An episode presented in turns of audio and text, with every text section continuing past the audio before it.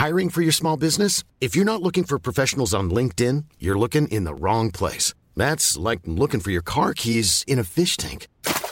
LinkedIn helps you hire professionals you can't find anywhere else, even those who aren't actively searching for a new job but might be open to the perfect role. In a given month, over 70% of LinkedIn users don't even visit other leading job sites. So start looking in the right place. With LinkedIn, you can hire professionals like a professional. Post your free job on linkedin.com slash people today.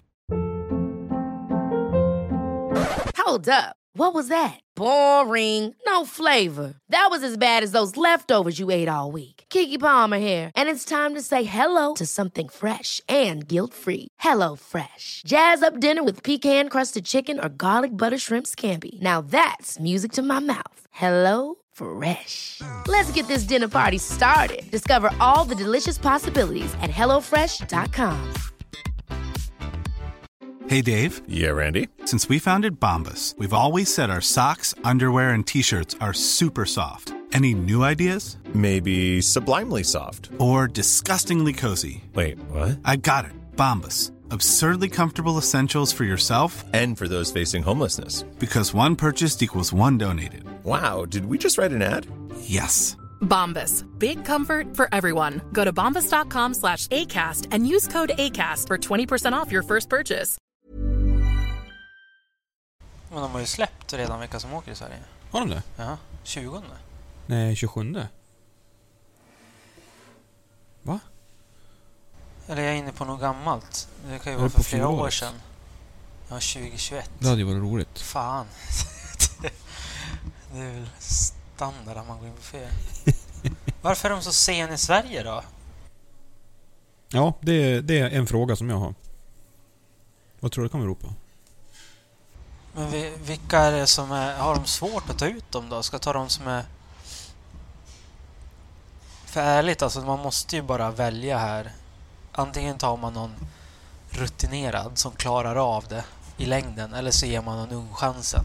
Det känns ju lite så för att, att tro att någon ungdom, junior, eller ja, vad ska man säga, yngre ska göra det kanonbra tävling efter tävling efter tävling sådär. Det är ju lite... Det är lite svårt liksom. Mm. Ja, jag, jag har också svårt att förstå. Jag tänker... Antingen så står man nog i det skedet att nej men, det är ingen som vill åka. Eller så är det väldigt många som vill åka så att det är svårt bara därför. Men jag tänker, några namn borde ju vara säkra. Alltså, någon borde ju vilja åka Tour de Ski som en uppladdning inför VM. Eller är jag helt ute och cyklar? Men var, varför har man inte släppt några namn? Eller är det så att de vet men man har inte gått ut med några namn än bara? Ja, de, de är väl... Jag, jag vet inte, alltså det känns som att det kan vara den här VM-säsongen som gör också att... Är det någon som har gått ut med att de inte ska åka i Sverige? På grund av uppladdning? Frida har sagt att hon skulle vilja åka. Ja men det är kul, för äh, tidigare år då känns det som att det mer var en grej att man ska stå över Tour de Ski. Precis. Eller så kör man två, tre etapper och så får man en liten känning i halsen på tredje. Och då, Ja, och så blir man förstörd inför VM sen. Men det är ju jäkligt bra liksom att trycka ner sig lite och bli lite sliten så man kan få en sån här superkompensation Mm. sen. alltså det, det, är ju, det är ju så de flesta cyklister tänker. Alltså vi, vi pratade ju tidigare om uppladdning inför bland annat Tour de France. Då åker ju alla typ Tour de Suisse eller eh, Kriterium de Dauphiné för att ladda upp och verkligen få sig en genomkörare innan. Eh, tänker man att Tour de France är VM nu då så, så borde ju Tour de Ski passa väldigt många. Utifrån det upplägget i alla fall. Ja, Ja, men jag håller med. Eh, sen är det ju individ, individer och många av de här vet väl hur de själv funkar. Så om det är någon som är så jävla säker på att jag ska inte åka Tour de Ski för att det kommer förstöra, då ska de inte göra det. Men, men ska vi tippa våran trupp då? Hur många platser har vi eh, till Sverige då? Norskarna har ju skickat en, två, tre, fyra, fem, sex, sju, åtta, nio damer och nio herrar. Ska vi gissa att det är lika många eller? Jag tänker vi kan göra det lätt för oss att ta plocka sex av varje då. Ja, vi har lite svårt att fylla nio platser. ja, men kanske alltså med givna namn. Men ska vi börja med damerna då? Ja. Ehm, på damsidan för damer, då skulle jag jättegärna se en comeback från Linn Svan. Jag tror att det är hennes enda chans att eh, kunna göra, alltså verkligen prestera på, på VM sen. Så jag tror att hon behöver den här uppladdningen. Komma igång med många lopp och Ja. hoppas att man håller för det då kanske. Ja, men precis. Och så att... Eh, ja, och hon har ju en del att bevisa. Alltså, körde ju väldigt bra på, på nationella cupen nere i Idre. Men, men sen när det kom till kritan när det var i Östersund så då räckte hon inte riktigt till. Nu var det ju Jonna Sundling som vann så det var ju inte vem som helst. Men ja, hon hade lite, lite kvar att ge. Kanske främst då liksom i den här uthålligheten. Mm. Men då skulle det vara kul att se henne då. Det skulle vara jättekul att se henne. Och speciellt på sprintarna då. Men eh, kanske behöver någon så här genomkörare på de längre distanserna också eller? Varför inte? Hon, benskejtade väl 10 mil i somras. Men... Eh, nej, men jag ser Linn Svan där. Ja, eh, då säger ju jag eh, Frida Karlsson som du nämnde ville åka. Eh, Det känns som en intressant start. Det kan ju vara en liten favorit till och med. Absolut. Ganska stor favorit. Hon skulle nog göra det väldigt bra i klättringen också. Mm, det är främst den jag tänkte på. Eh, Den är väl massstart nu med er? Kör, Ja. Fortsätter de med det i år kanske? Ja, man kommer vara man startar år igen. Ja, men det, det är lite kul också för det- som det var de tidigare åren så har det varit ganska stora differenser redan före sista. Eh, Jag saknar egentligen det här först i mål vinner, men det blir lite roligare att kolla på den om det är lite tajtare för backen. Och man kan göra stora eh, tider, eller alltså det kan ju bli stora avstånd så det kan ju hända väldigt mycket på tävlingen ändå. Men då kan det bli lite intressant att se Frida starta och så har hon med de här norskorna ändå liksom. Det brukar väl vara lite mindre kända namn som kör bra där också. Ja, men precis. Absolut. Ja, vi har ju, vad heter hon, eh, fransyskan Delphine Claudel. Eh, en, ruskigt duktig klättrare. Eh, så hon tror jag, hon körde väl väldigt bra i fjol också. Hon tror jag är väldigt bra möjlighet. Nej, men Frida är ju intressant för jag tror att hon kan prestera väldigt bra i sprintarna. Det har hon ju visat i år att hon, hon, hon kan ju faktiskt prestera i sprint och ta sig till final. Så att eh, jag tror att hon har mycket poäng att tjäna där. Och det kanske vi ska jämföra mot kanske en tredje vi gärna ser i touren och det är ju eh, Ebba Ebba. Andersson eh, som inte är riktigt på den nivån i sprint. Nej, hon är lite som Jens Burman. Hon skulle kanske ta en liten löptur istället. Nej, men hon skulle, Ebba skulle, jag tror Ebba skulle kunna göra väldigt bra i en prolog och att hon kanske skulle kunna ta sig till en kvartsfinal. Men, men sen finns det inte så mycket, mycket mer kanske där att förvänta sig. Nej, och det, det är det som är så svårt för nu har du ju Frida som är världsklass på alla delar. Då. Då, då, då har du inte råd att missa en kvart semi liksom. Det är ju många placeringar. Ja. Jag känner att det är ju, är- då är ju Ebba, en så för totalen sett, då är ju Ebba lite mer osäker kanske. Det kan ju bli lite mer spännande också då. Absolut. Men eh, sen har jag en liten bubblare. Eh, på damsidan. Moa Lundgren. Intressant. Utveckla. Nej, men jag, tror att, jag tror ju att ja, men, eh, den gamla klyschan motivation slår klass. Och hon har ju varit skadad eh, ganska länge. Och gjorde ju en ganska stark eh, comeback i Östersund eh, under Skandinaviska cupen nu. Både på sprinten och på, på 20 km dagen på söndagen där. Så jag tror att Moa Lundgren är hungrig och att hon vill gärna mm, liksom, hävda sig och ta en plats i, inför VM i Planica. Så jag tror att det här är hennes, hennes chans. Det, det låter som ett bra upplägg. Och hon är ju lite allround också så det, det låter ju jättebra. Jag skulle säga att hennes kanske svaghet har varit lite mer på, på distanserna. Men, nej, men hon körde ju väldigt bra under 20 km loppet där i Östersund. Så att, ja, man ska aldrig säga aldrig. Mm. Ja men det, den där kör vi på tror jag. Det, det låter bra. Det var fyra stycken. Två kvar. Två kvar. Det är nu det börjar bli jobbigt. Ja, nu börjar det bli jobbigt. Men vi hade ju Jonas Sundling i Östersund. Hon har kört bra både på distans och sprint. Det tycker väl jag ska vara ganska, Det finns bara en Jonna. ja, ganska självklart val. Tror du hon vill åka? Jag vet inte. Jag vet inte vilka som vill åka överhuvudtaget. Där är ju du mer med i matchen kanske, men eh, det känns ju som att det är väldigt överraskande om alla vill åka. Det brukar alltid vara någon som står över eller har varit lite småkrasslig inför eller någonting, men eh, det hade varit kul att se henne i alla fall. Det blir ju så avslaget om vi har dåliga start, överlag till Ski Classics, men nu såg vi att norskarna har ju bra lag. Så då vill vi ju såklart ha några som kan mäta sig med dem. Så då tycker jag såklart att vi ska ha med Jonna. Håller med. En kvar. Eh, Jag, jag har två stycken som jag, som jag står och, och väljer mellan. Och, och det är också lite grann utifrån den motivationslågklass. Men Moa Ilar är ju färdig. Hon är ju klar inför VM. Eh, vet vi. Hon har ju fått en startplats inför VM. Mm. Jag då tänker jag så att hon... Antingen så vill hon köra Tour de Ski för att ladda upp. Eller så vill hon inte köra Tour de Ski för att ladda upp. Min feeling där är att hon vill köra. Du tror det? Ja, men det känns som att hon är lite ny. Alltså hon har ju varit med ett tag liksom. Jag är jämngammal med henne. Mm. Eh, Så jag har ju liksom kört skidor och sett henne sådär. Men hon har alltid varit duktig. Men det känns som att hon har tagit ett jäkla steg i år. Mm. Så det känns som att hon kanske skulle vilja köra Tour de Ski för att fortsätta få fler lopp på hög nivå. Men det är bara en spekulation. Mm. Vem var den andra kandidaten du hade? Maja Dahlqvist. Som också har kört ganska bra i distans i år. Är det de som ska slåss om sista eller är det, ska vi byta ut någon vi har nämnt ti- tidigare? Vad tycker du? Vem ska vi byta i så fall? Jag vet inte riktigt. För i så fall känner jag... Ja. Vilka har vi nu då? Vi har... Frida. Linn. Ebba. Jonna. Moa Lundgren. Ja men vi hade ju Moa Lundgren slänger vi in, hon ska vara kvar. Hon ska vara Ja, kvar. för det, det hade varit kul att se. Men vi, ska, vi sa ju det första podden, vi ska inte vara en sån här...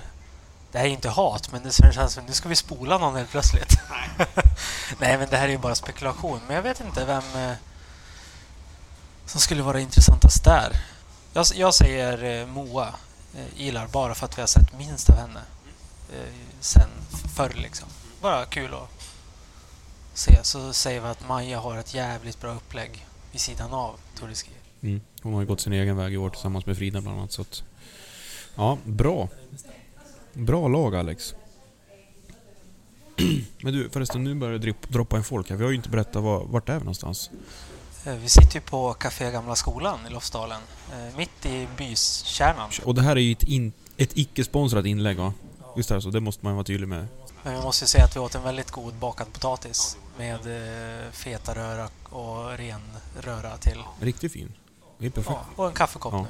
Men, men det här är inte sponsrat ändå, för det, jag har sett mycket på Youtube och då måste man säga det. Så att det här, Ja, det är inte vi får in, sponsrat. ingen stålar eller någonting för det. Nej, vi tjänar inga pengar överhuvudtaget på det här. Nej men som, för er som inte har förstått det så är det Långloppspodden ni lyssnar på. Eh, om ni skulle ha råkat tokklicka på något på, på Spotify så, så är det Långloppspodden och vi sitter här. De har hängt, de har hängt kvar ett tag nu och de råkade klicka fel. Så de, de verkar gilla det. Det vore ju otroligt. Men vi sitter här och laddar upp inför Tour de Ski och eh, vi har väl egentligen en snövaka kan man säga. Ja, jag trodde ju att jag skulle vara ute och tok-preppa leder idag. Men eh, snön... Ja, det börjar komma lite nu, men den håll, håller, håller i. Men eh, det ska komma en decimeter idag, så det, det hade ju varit guld för både skidspår och skoterleder. Och man gör ingen preppning förrän... Man kan inte göra någonting nu. Ja, vi har så lite snö som vi är ut med...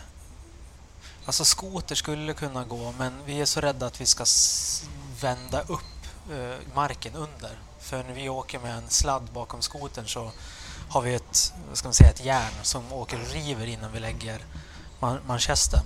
Eh, och det järnet vill ju gärna skala av små, alla små kullar och gupp och sånt där som är. Och då får vi jord framme och den jorden kommer sen vara kvar resten av säsongen uppe i snön. För när vi får en... Vi säger om vi får två decimeter idag, det är ju skitbra. Då kommer vi där med pistmaskin liksom och så fräser vi med fräsvalsen bak. Då kommer vi fräsa upp den jorden i det nya. Eh, ja, så vi försöker undvika det. Det har varit jättebra förhållanden. Nu har det blåst eh, någon dag så det kan vara lite drivsnö uppe i spåren. Eh, vilket också är bra för det är ju snö som vi kan få ner i bädden. Men eh, ja, vi, vi har ju bra kvalitet på spåren överlag eh, nu för hur lite snö det är. Men eh, jag var och kikade på Konstnärsspåret i morse och det är ju toppklass. Det är riktigt fint. Så. Nu, det blir mer bara när jag sitter och håller min monolog nu så börjar det snöa mer. Jag, jag tar två minuter till då så kanske jag bara får igång det riktigt. Liksom. Sen får du springa iväg. Eh, men jag tror det, det kommer bli bra. Men eh, som sagt, nu börjar det snöa och det gäller bara ut och få ner det i bädden så har vi skitbra spår till nästa helg. Fantastiskt. Ja, men det här är våran uppladdning inför Tour de Ski och vi eh, planerar ju nu i och med det här att släppa ett avsnitt efter varje Tour de Ski-lopp. Eh, Så att... eh, Eh, Tour Ski håller ju på från 31 december fram till och med 8 januari. Och då börjar vi med en fristil. En fristilsprint i Val Mürster. Val Mürsteir. Ja, säger- man kanske på svenska. Vi har lite problem med uttalen i den här podden, men Mürsteir har jag för mig Blomqvist säger. Sen eh, dagen efter, eh, nyårsdagen, så är det jaktstart. 10 km fristil. Både herrar och damer då. Eh, 3 januari, då drar vi till Tyskland, Oberstdorf. Då är det 10 km klassisk åkning. 4 januari, 20 km fristil jaktstart. En till jaktstart där. Eh, sen beger vi oss till Val di Fiemme den, den 6 januari. Och då är det först en klassisk sprint. Kul. Det, det känns som att Pellegrino skulle kunna gå bra där. Sen har vi den 7 januari. Eh, klassisk massstart. Eh, 15 km. Och det, jag tror att det är det enda 15 km loppet som man kör i år. Som inte är på VM. Det är intressant. Det är intressant. För det blir mycket 20 kilometer nu. Det blir mycket 20 och mycket 10. Speciellt när damerna gick upp och körde lika långt som herrarna. De möttes ju inte direkt på mitten. Nej. Och så sen har vi den, den 8 januari en... Eh, ja men... Alpekermiss-avslutningen. Eh, klättringen upp för, för berget där. Det blir kul. Det blir riktigt kul. Men eh, Max, det måste vi ta. Varför sitter vi som har långloppspodden och pratar om Tour de Ski helt plötsligt? Ja, men det är... långlopp. Eh, långlopp är inte bara liksom ett långt lopp, utan det är också liksom en kultur och en arv och tradition. Och om man tittar på andra idrotter som, som kör väldigt långt så har ju de också upplägget av att lägga tävlingar back-to-back eller trycka ihop många tävlingar i torer. Och det är ju någonting som är väldigt intressant för då får man ju verkligen se de här kvaliteterna av uthållighet över tid, över flera dagar och hur man skulle kunna både tackla den fysiska utmaningen men också den mentala och se till att hålla sig undan sjukdomar och så vidare. Sen har vi ju några väldigt intressanta namn som ska åka Tour de Ski i år så därför tycker vi att det är extra int- intressant att följa. Nu vet vi inte Sveriges trupp än men vi hoppas att vi får se kanske några namn med, med långloppsanknytning. Ja, det hade ju varit jättekul att se. Men vi skulle alltså kunna säga att Tour de Ski är lite mer eh, likt långlopp. Så, i taktik och... Vi kanske till och med har sett lite tak- taktikkörning mellan åkare i Tour de Ski genom åren. Absolut. Nej, men, eh, och det blir, det blir framförallt intressant att se hur, ja, men, eh, nu spoilar vi det på en gång, men, men vi har ju Astrid Ayerslind som ska starta i, i eh, Tour de Ski. Hon gör ju sin, vad ska man säga, världscup-comeback då. Hon körde ju världscup fram till och med 2012-2013 ungefär. Så hon gör sin världscup-comeback nu då. Och det gör ju hon i sin satsning mot VM. Nu sitter Alex, för er som inte ser, så sitter Alex och, och, och skruvar på sig för nu börjar det dumpa här. Har det snöat på bra nu? Ja. OSC-leendet, hade inte öronen suttit där skulle det gå runt alltså. Ja, det blir skitbra.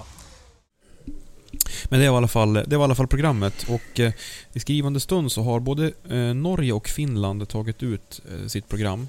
Och vi pratade ju lite inledningsvis här varför det dröjer med Sverige.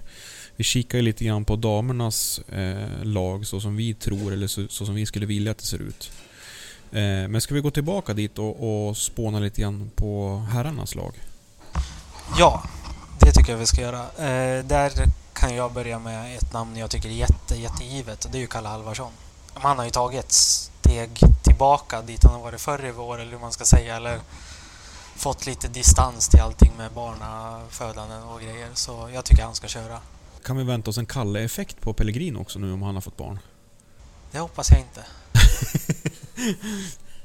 Nej, italienarna de stod och firade när Kalle blev diskvali- diskvalificerad där så det... Det svider hos dig fortfarande. Ja, det gör det. Ehm, men Kalle Halvarsson nummer ett.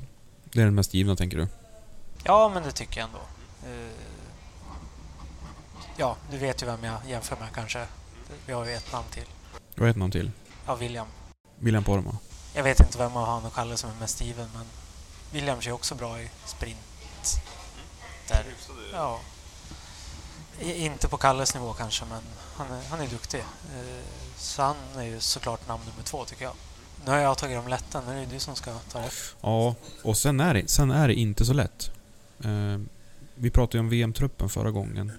Och där hade vi ju eh, Kalle, Ville och Walter, nej men eh, och Edvin Anger. Eh, Ja, de är ju klara. de är ju klara inför VM. Och det får mig att tänka att nej, men då kanske Edvin Anger, jag vet inte om han... Eh, han är så pass ung så jag vet inte om han skulle klara en så pass lång tour och så sen köra ett VM ganska tätt inpå. Men andra, inom andra idrotter skulle man ju resonera annorlunda. Men, men längdskidåkningen är ju lite speciell här. Ja, den är ju det. Jag vet inte, vi pratade ju om precis före vi började här om eh, hur man ska tänka när man tar ut för... Man vill ju gärna ha en eh, åkare som har lite erfarenhet och kanske är lite äldre för att klara de här... Man är lite äldre och segare flera dagar. Än om man tar ut en yngre som kanske kan köra bra första loppen men sen kanske blir lite sliten eller har inte rutinen liksom.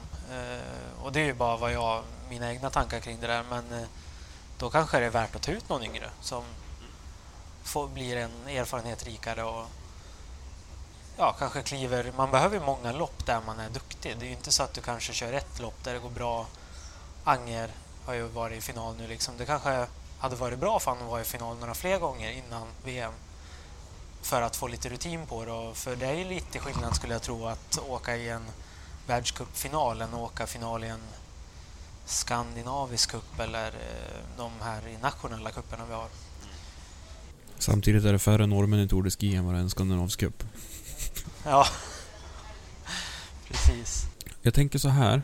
En åkare som, som tidigare har kört bra för Sverige i Tour de Ski och som tog sin första eh, världscupseger. Det är Oskar Svensson. Vad tänker du, vad tänker du kring han? Jag ska säga att jag har inte jättebra koll vad han var, om han har varit sjuk eller någonting nu, men han har ju inte varit med senaste... Men det har ju inte gått bra i alla fall. Eh, och nu när vi inte har bredaste här fronten i Sverige, då kanske vi skulle ha låtit Oskar köra om det är bra för han att eh, köra Tour de Ski, komma igång. Han kanske behöver många lopp. Eller så vill han vara hemma och köra sitt egna upplägg och komma igång på det viset. Eh, ska vi ha sex platser som vi sa på damerna så då är Oskar Svensson given, skulle jag tycka. Han har ju haft en trevande start här på säsongen så att det är det som skulle tala emot honom. Han var ju... Han var ju inte vidare i kvalet på Skandinavisk Cup där för, för en dryg vecka sedan ens. Så att... Eh, ja, jag känner mig lite oroad. Men, men samtidigt vet man att han, han har ju, brukar vara ganska segstartad och brukar ju komma igång här efter nyår så att... Mm. Men vi, vi skänker en tanke till Oskar och hoppas att han är tillbaka eller? Ja, ja, det tycker jag. Tre säger vi då, då eller? Då är, vi, då är vi på tre stycken. Då tänker vi att Edvin Anger, han får vara hemma och vila och ladda för VM. Han behöver ett, ett eget upplägg. Jag vet inte, vi har ju tre platser kvar. Han kanske ska... Men vilka andra namn har vi då? Det var ju lite svårare än damerna det här. Ja, men jag tänker Jens Burman eh, påtalar ju ofta att man har väldigt långa distanser och han vill ha liksom griniga förhållanden och, och den biten. Och här har han ju ett ganska grinigt upplägg med många lopp tätt, tätt inpå. Jag tänker, han har ju också haft en väldigt trevande start här och var minst sagt förbannad här i Davos. Det gick ju inte så bra för han där. Eh, sprang ju bara igenom mixade zonen och ville ju inte göra några intervjuer. Men jag tänker, skulle det här kunna vara något som passar han? Eller behöver han köra Tour de Ski för att komma i form? För det, man vill ju se Jens Burman i VM, men Ja, men han skulle väl ha, han ska ju ha en plats. För han har ingenting med Tour de Ski. Alltså han är ingen sprinter. Så att han är på topp tre Tour de Ski, det är... det känns inte aktuellt. Nej, det känns inte... Det kommer inte hända. Men eh, för att, för att han ska åka bra på VM så ska han ju definitivt ha en plats till Tour de Ski om han vill det. Mm. Men eh, det är mycket hur de tänker, la- landslaget. Det ska bli jätteintressant att se deras uttagning sen. För eh, de kanske vill ge någon... Ja, det, det blir så mycket när det är ett VM som kommer. Det är inte bara att man kan bara, bara kolla på Tour de Ski utan du måste ha VM i bakhuvudet. Och de är ju proffs på det här liksom i landslaget. Eh, så de Det blir speciellt när det är VM-säsong alltså. Ja, det ska bli intressant att se deras uttagning och jämföra med våran snabbt ihop-plockade här sen då. Men eh, vi är inte klar med herrarnas. Men då, då är det Jens då på fjärde där, eller? Tror vi på han då? Jag tror att han kanske behöver det inför VM då. Mm. För det är som du säger att det är mycket lopp och det är lite för, det är väl fem milen han kanske satsar på och det är lite de här, det är ingen fem mil här men det är mycket de här loppen när de åker och väntar på lite poäng och sånt där varannat varv eller hur de kör och det lite körningar och sådär. Det kanske är bra att få åka där och känna på liksom.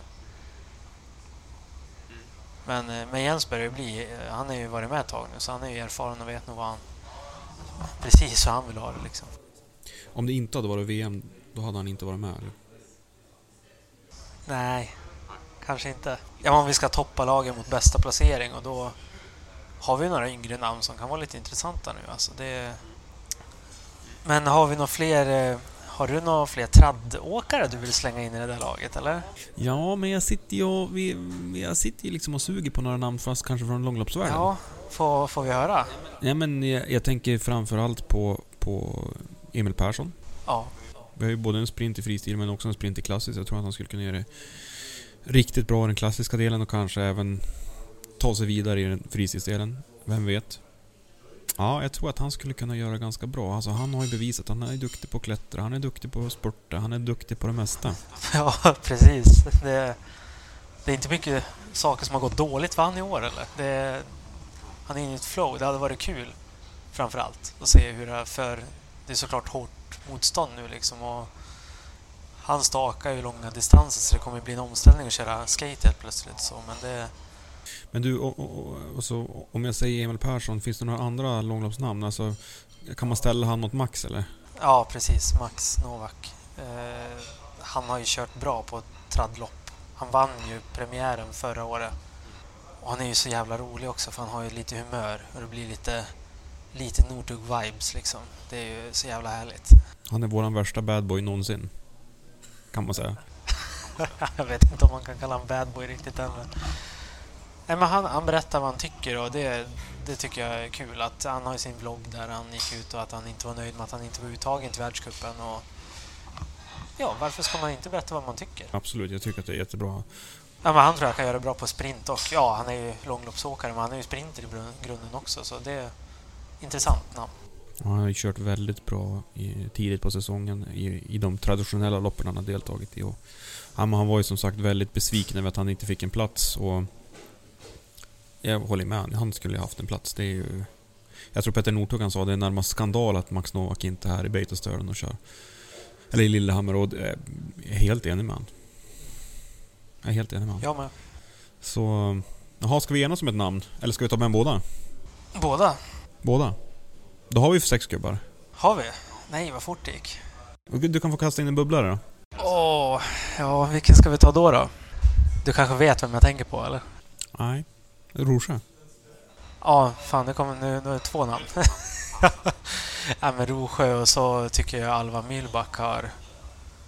Jag skulle bara vilja se eh, hur han hade kört liksom. Eh, för han är också ung och lovande sådär men det, det hade bara varit kul att få se han i ett världscuplopp liksom. Erik Rosjö hade också varit jättekul att se.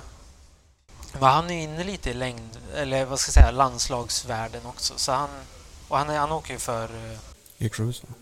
Eh, ja, där va. Ja. Eh, så han, han är ju lite på en fot i, på båda sidorna. Så han kanske är ett namn de kommer ta med. Jag vet inte. Nu kanske inte vi har gått jättedjupt i tradd, på traddsidan på de bubblarna under där. Eh, men vi har ett gäng som har varit med ett tag och det kanske inte har tagit sig riktigt. Så nej, kör långloppsåkarna då. då liksom. det, det är konstigt att vi tycker så den här podden. Nej men jag håller med. Vi måste... Alltså jag, jag tror ju kanske att vi ska... mm, Ja, men röra om i den här grytan, det tror inte jag är helt fel. Ja, men det känns som att vi är de här som kommer in nu och bara säger att vi vill ha lite kaos. Det blir bra.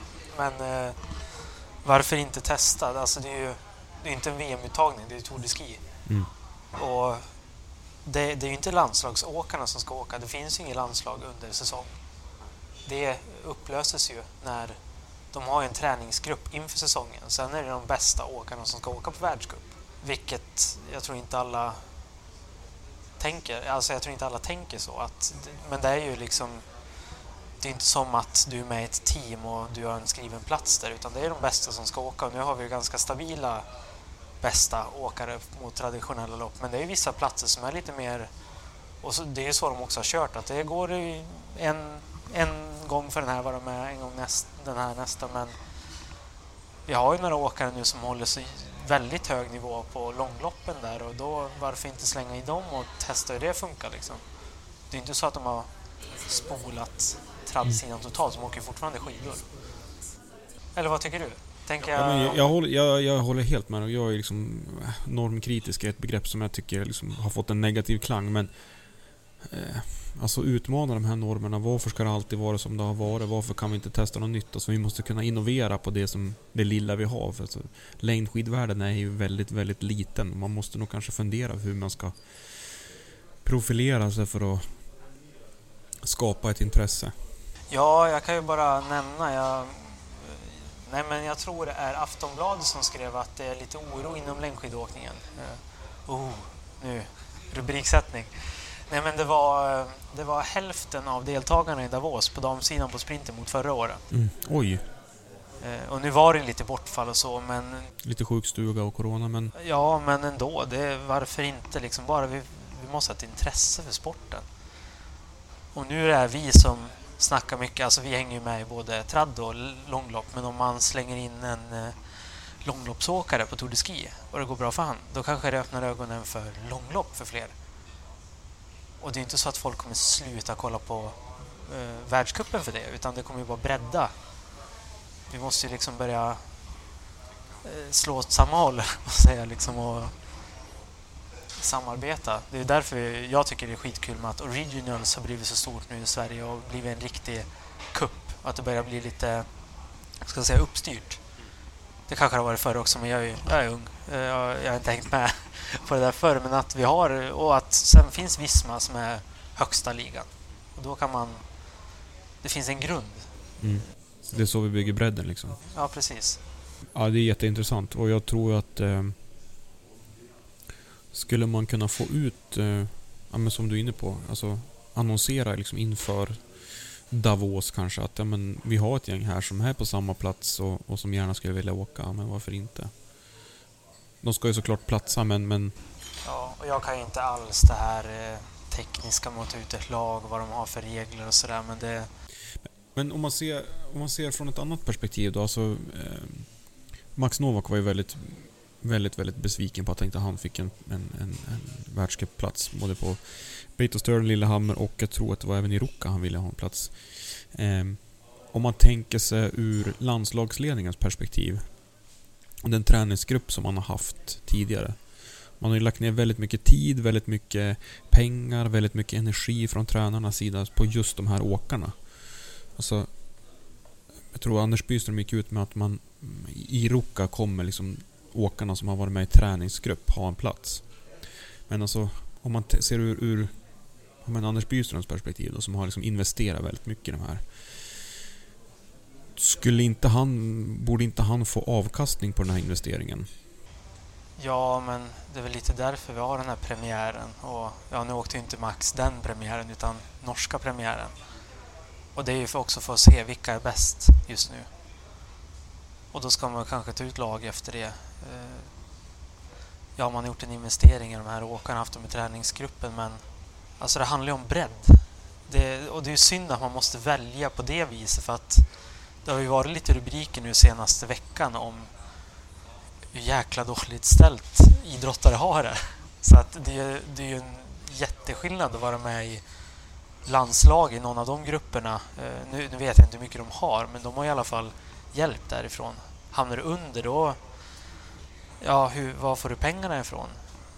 Sponsorer, ja men det är svårt att få en heltidslön på det och jag tycker inte att man ska behöva lida för att man satsar på en idrott. Det är ändå något fint man gör för Sverige också, att man vill prestera i sin idrott och ja, kunna visa upp oss sen. Alltså vi sitter ju här alla vid TVn och hejar på våra skidåkare sen men vissa är ju late bloomers och ska man leva på existensminimum fram till det börjar gå bra då? Eller jag, jag vet inte. Det är en jättedelikat fråga.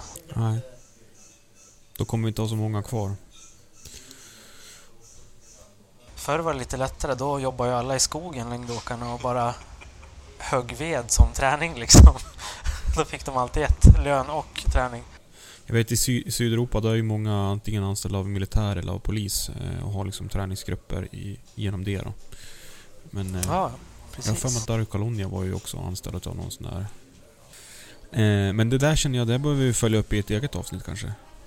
Jag känner att jag... Det här vill man ju djupdyka för det här är ju liksom grunden. Alltså, finns det inte resurser så, så kommer, vi, kommer vi inte få någon topp. Alltså.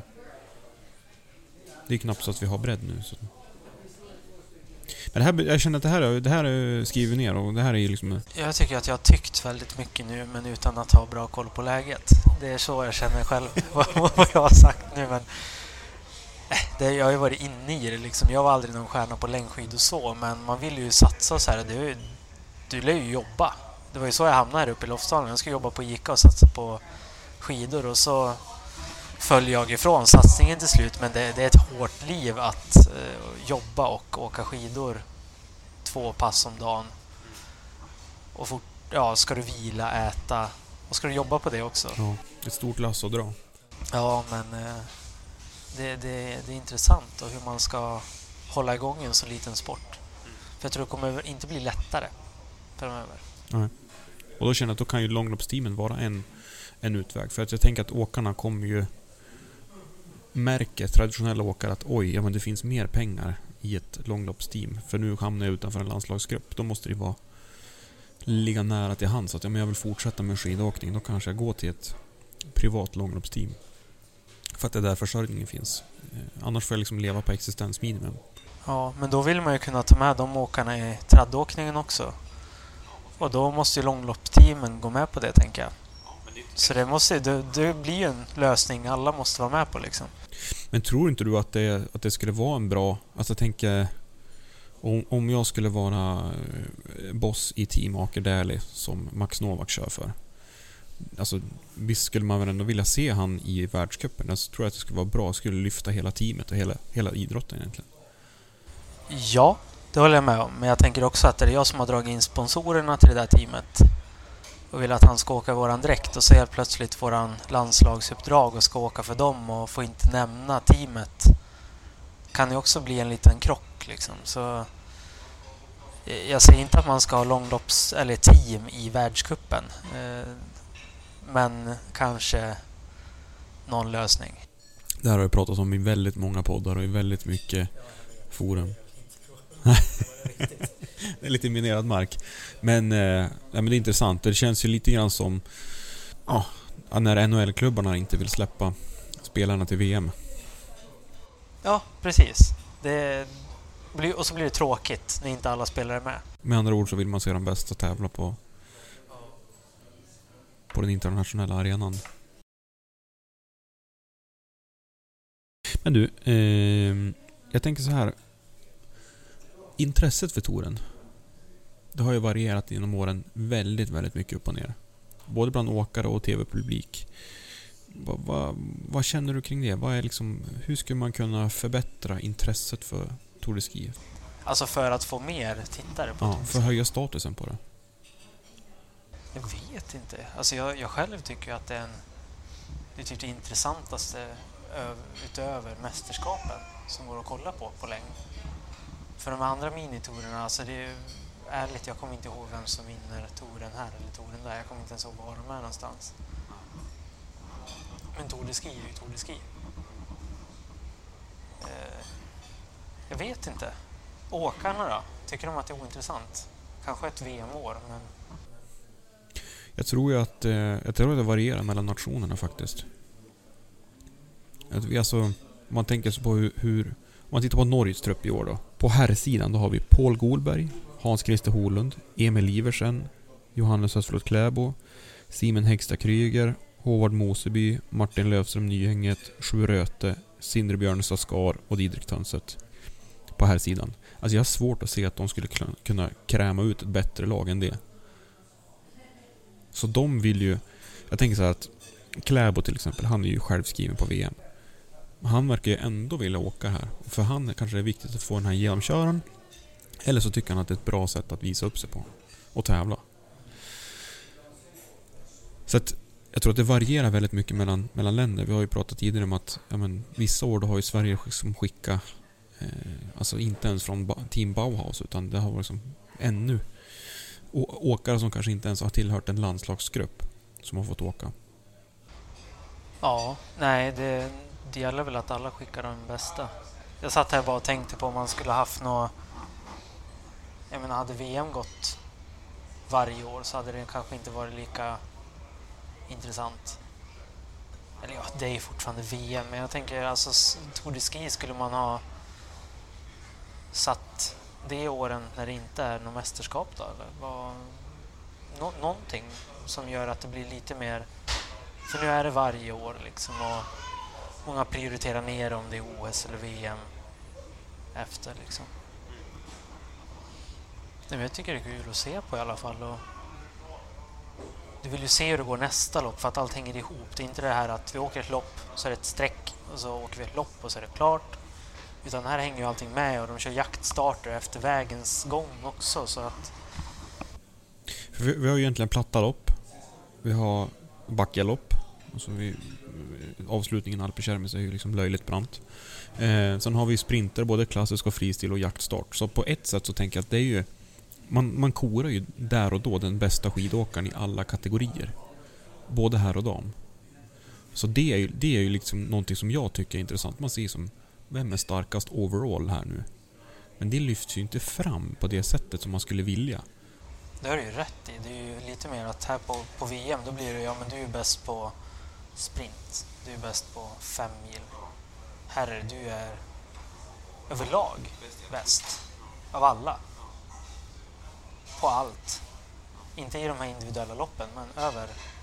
Ja, ja men fan bra, bra take på det. Det skulle de ju ha... Ska de döpa om priset till The Best Skier? Ja, du är bäst. Ja men det finns ju någonting där att spela på som man kanske inte har lyft fram så mycket. Eh, Ah, jag vet inte. Det får marknadsavdelningen sköta. Ja. Men eh, alltså, ja, jag tänker, hade vi inte någon Kanada-tour Jo, för några år sedan också? För jag satt ju här och suktade efter någon skimaraton i Kanada för vi började spela in och nu gick ju det samma dag som Epic, eh, Lofsdalen Epic går här så det funkar ju inte då men jag vet inte, jag skulle vilja, jag tror de kanske, det får inte bli för många tourer på ett år kanske men att man Tour de North America liksom.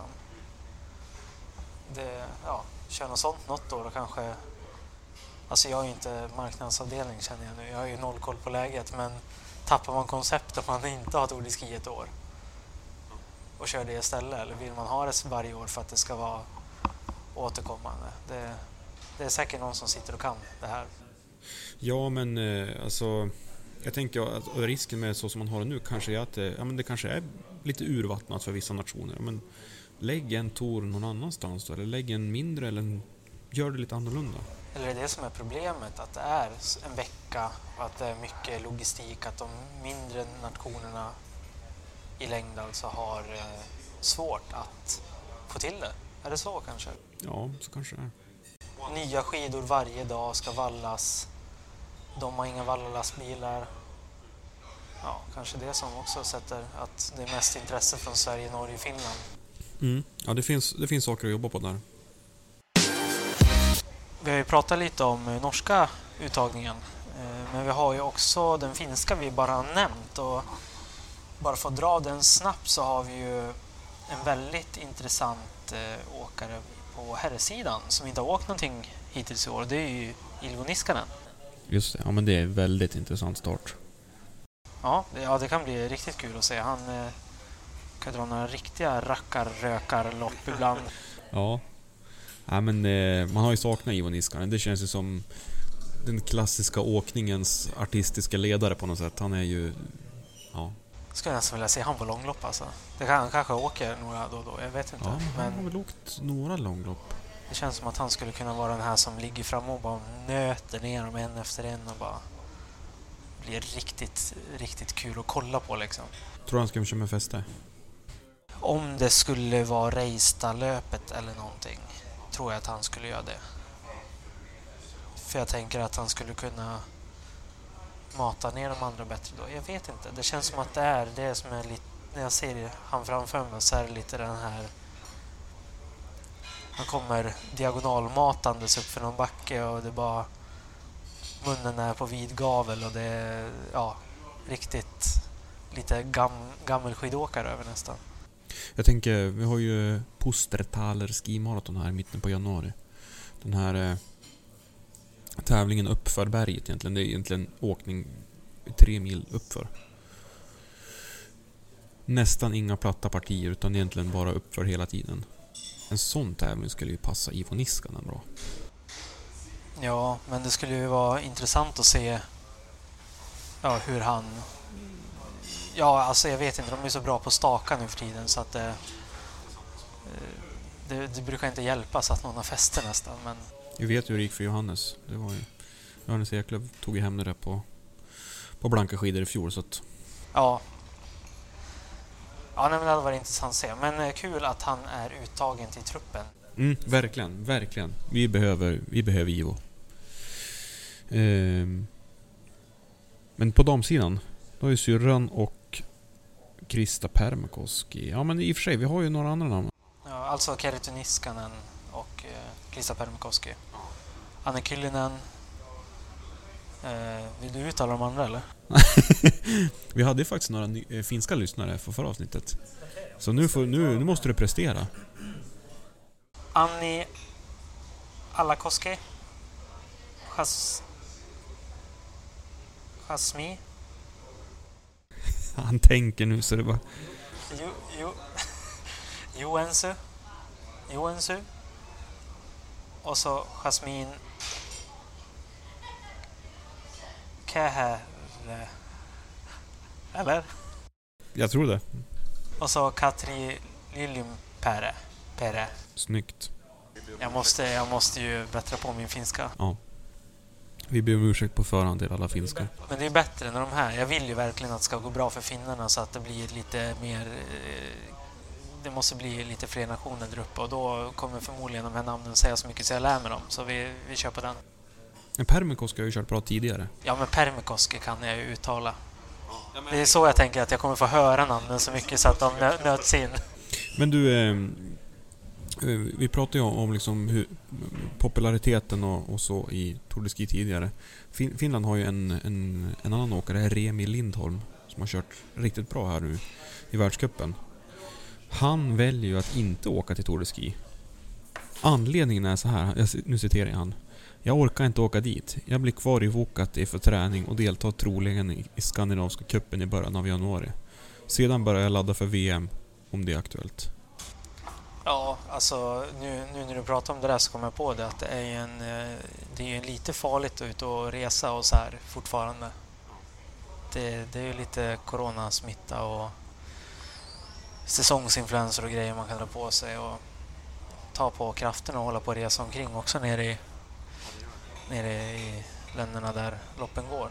Och så exponerar man sig för risken som du är inne på. Det är, Kanske Remi Lind, Lindholm kanske gör bästa VMet någon, någonsin när han kör sitt eget upplägg då. just det.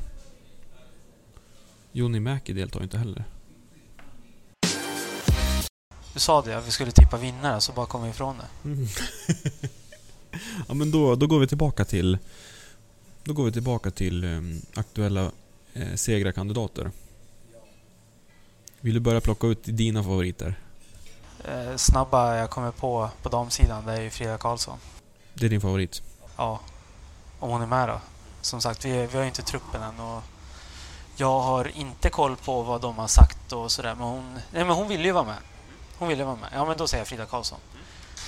Eh, säkert någon norska. Eh, Weng. Den- är ju bra att säga. Då- Tre stycken att välja Tre på. stycken att välja på.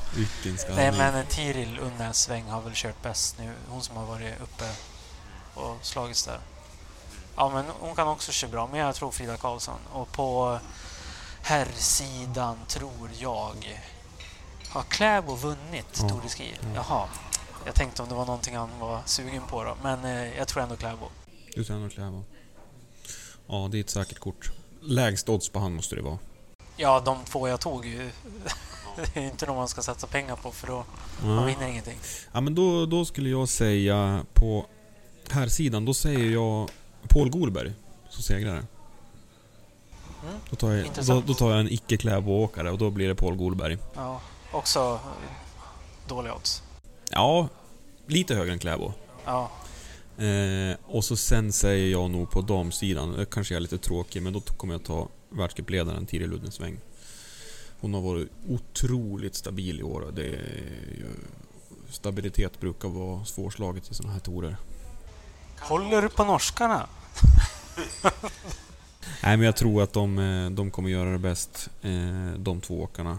Eh, hoppas ju såklart på att vi får svenska framgångar. Ja, det, det gör man ju. Men jag tror i alla fall det kan bli... Det kan bli intressant. Jag tror många de åkarna vi har nämnt här kommer ju vara... Händer ingenting som vi inte kan styra över, då kommer de vara topp tre, känns det som i alla fall.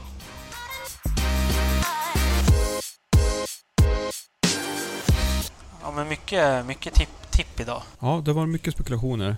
Snillen spekulerar. Ja, ja men det och vi försökt tänka till lite kring grejer. Men eh, det är mycket att tänka på. Ja, vi, vi har ju både långloppsdelen och traddelen som eh, man måste tänka på när man pratar skidor. Så ja, det är intressant snack.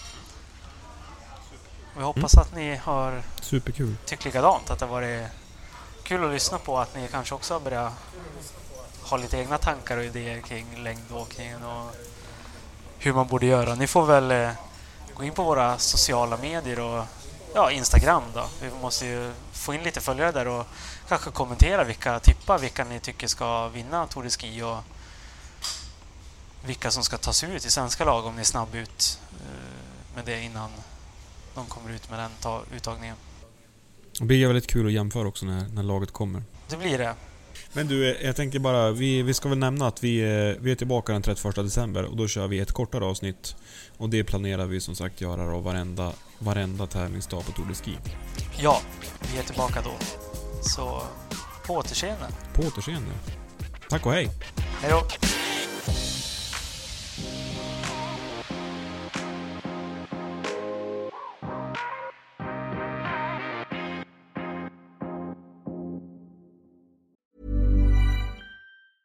Ever catch yourself eating the same flavorless dinner three days in a row?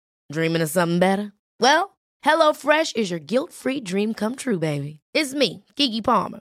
Let's wake up those taste buds with hot, juicy pecan-crusted chicken or garlic butter shrimp scampi.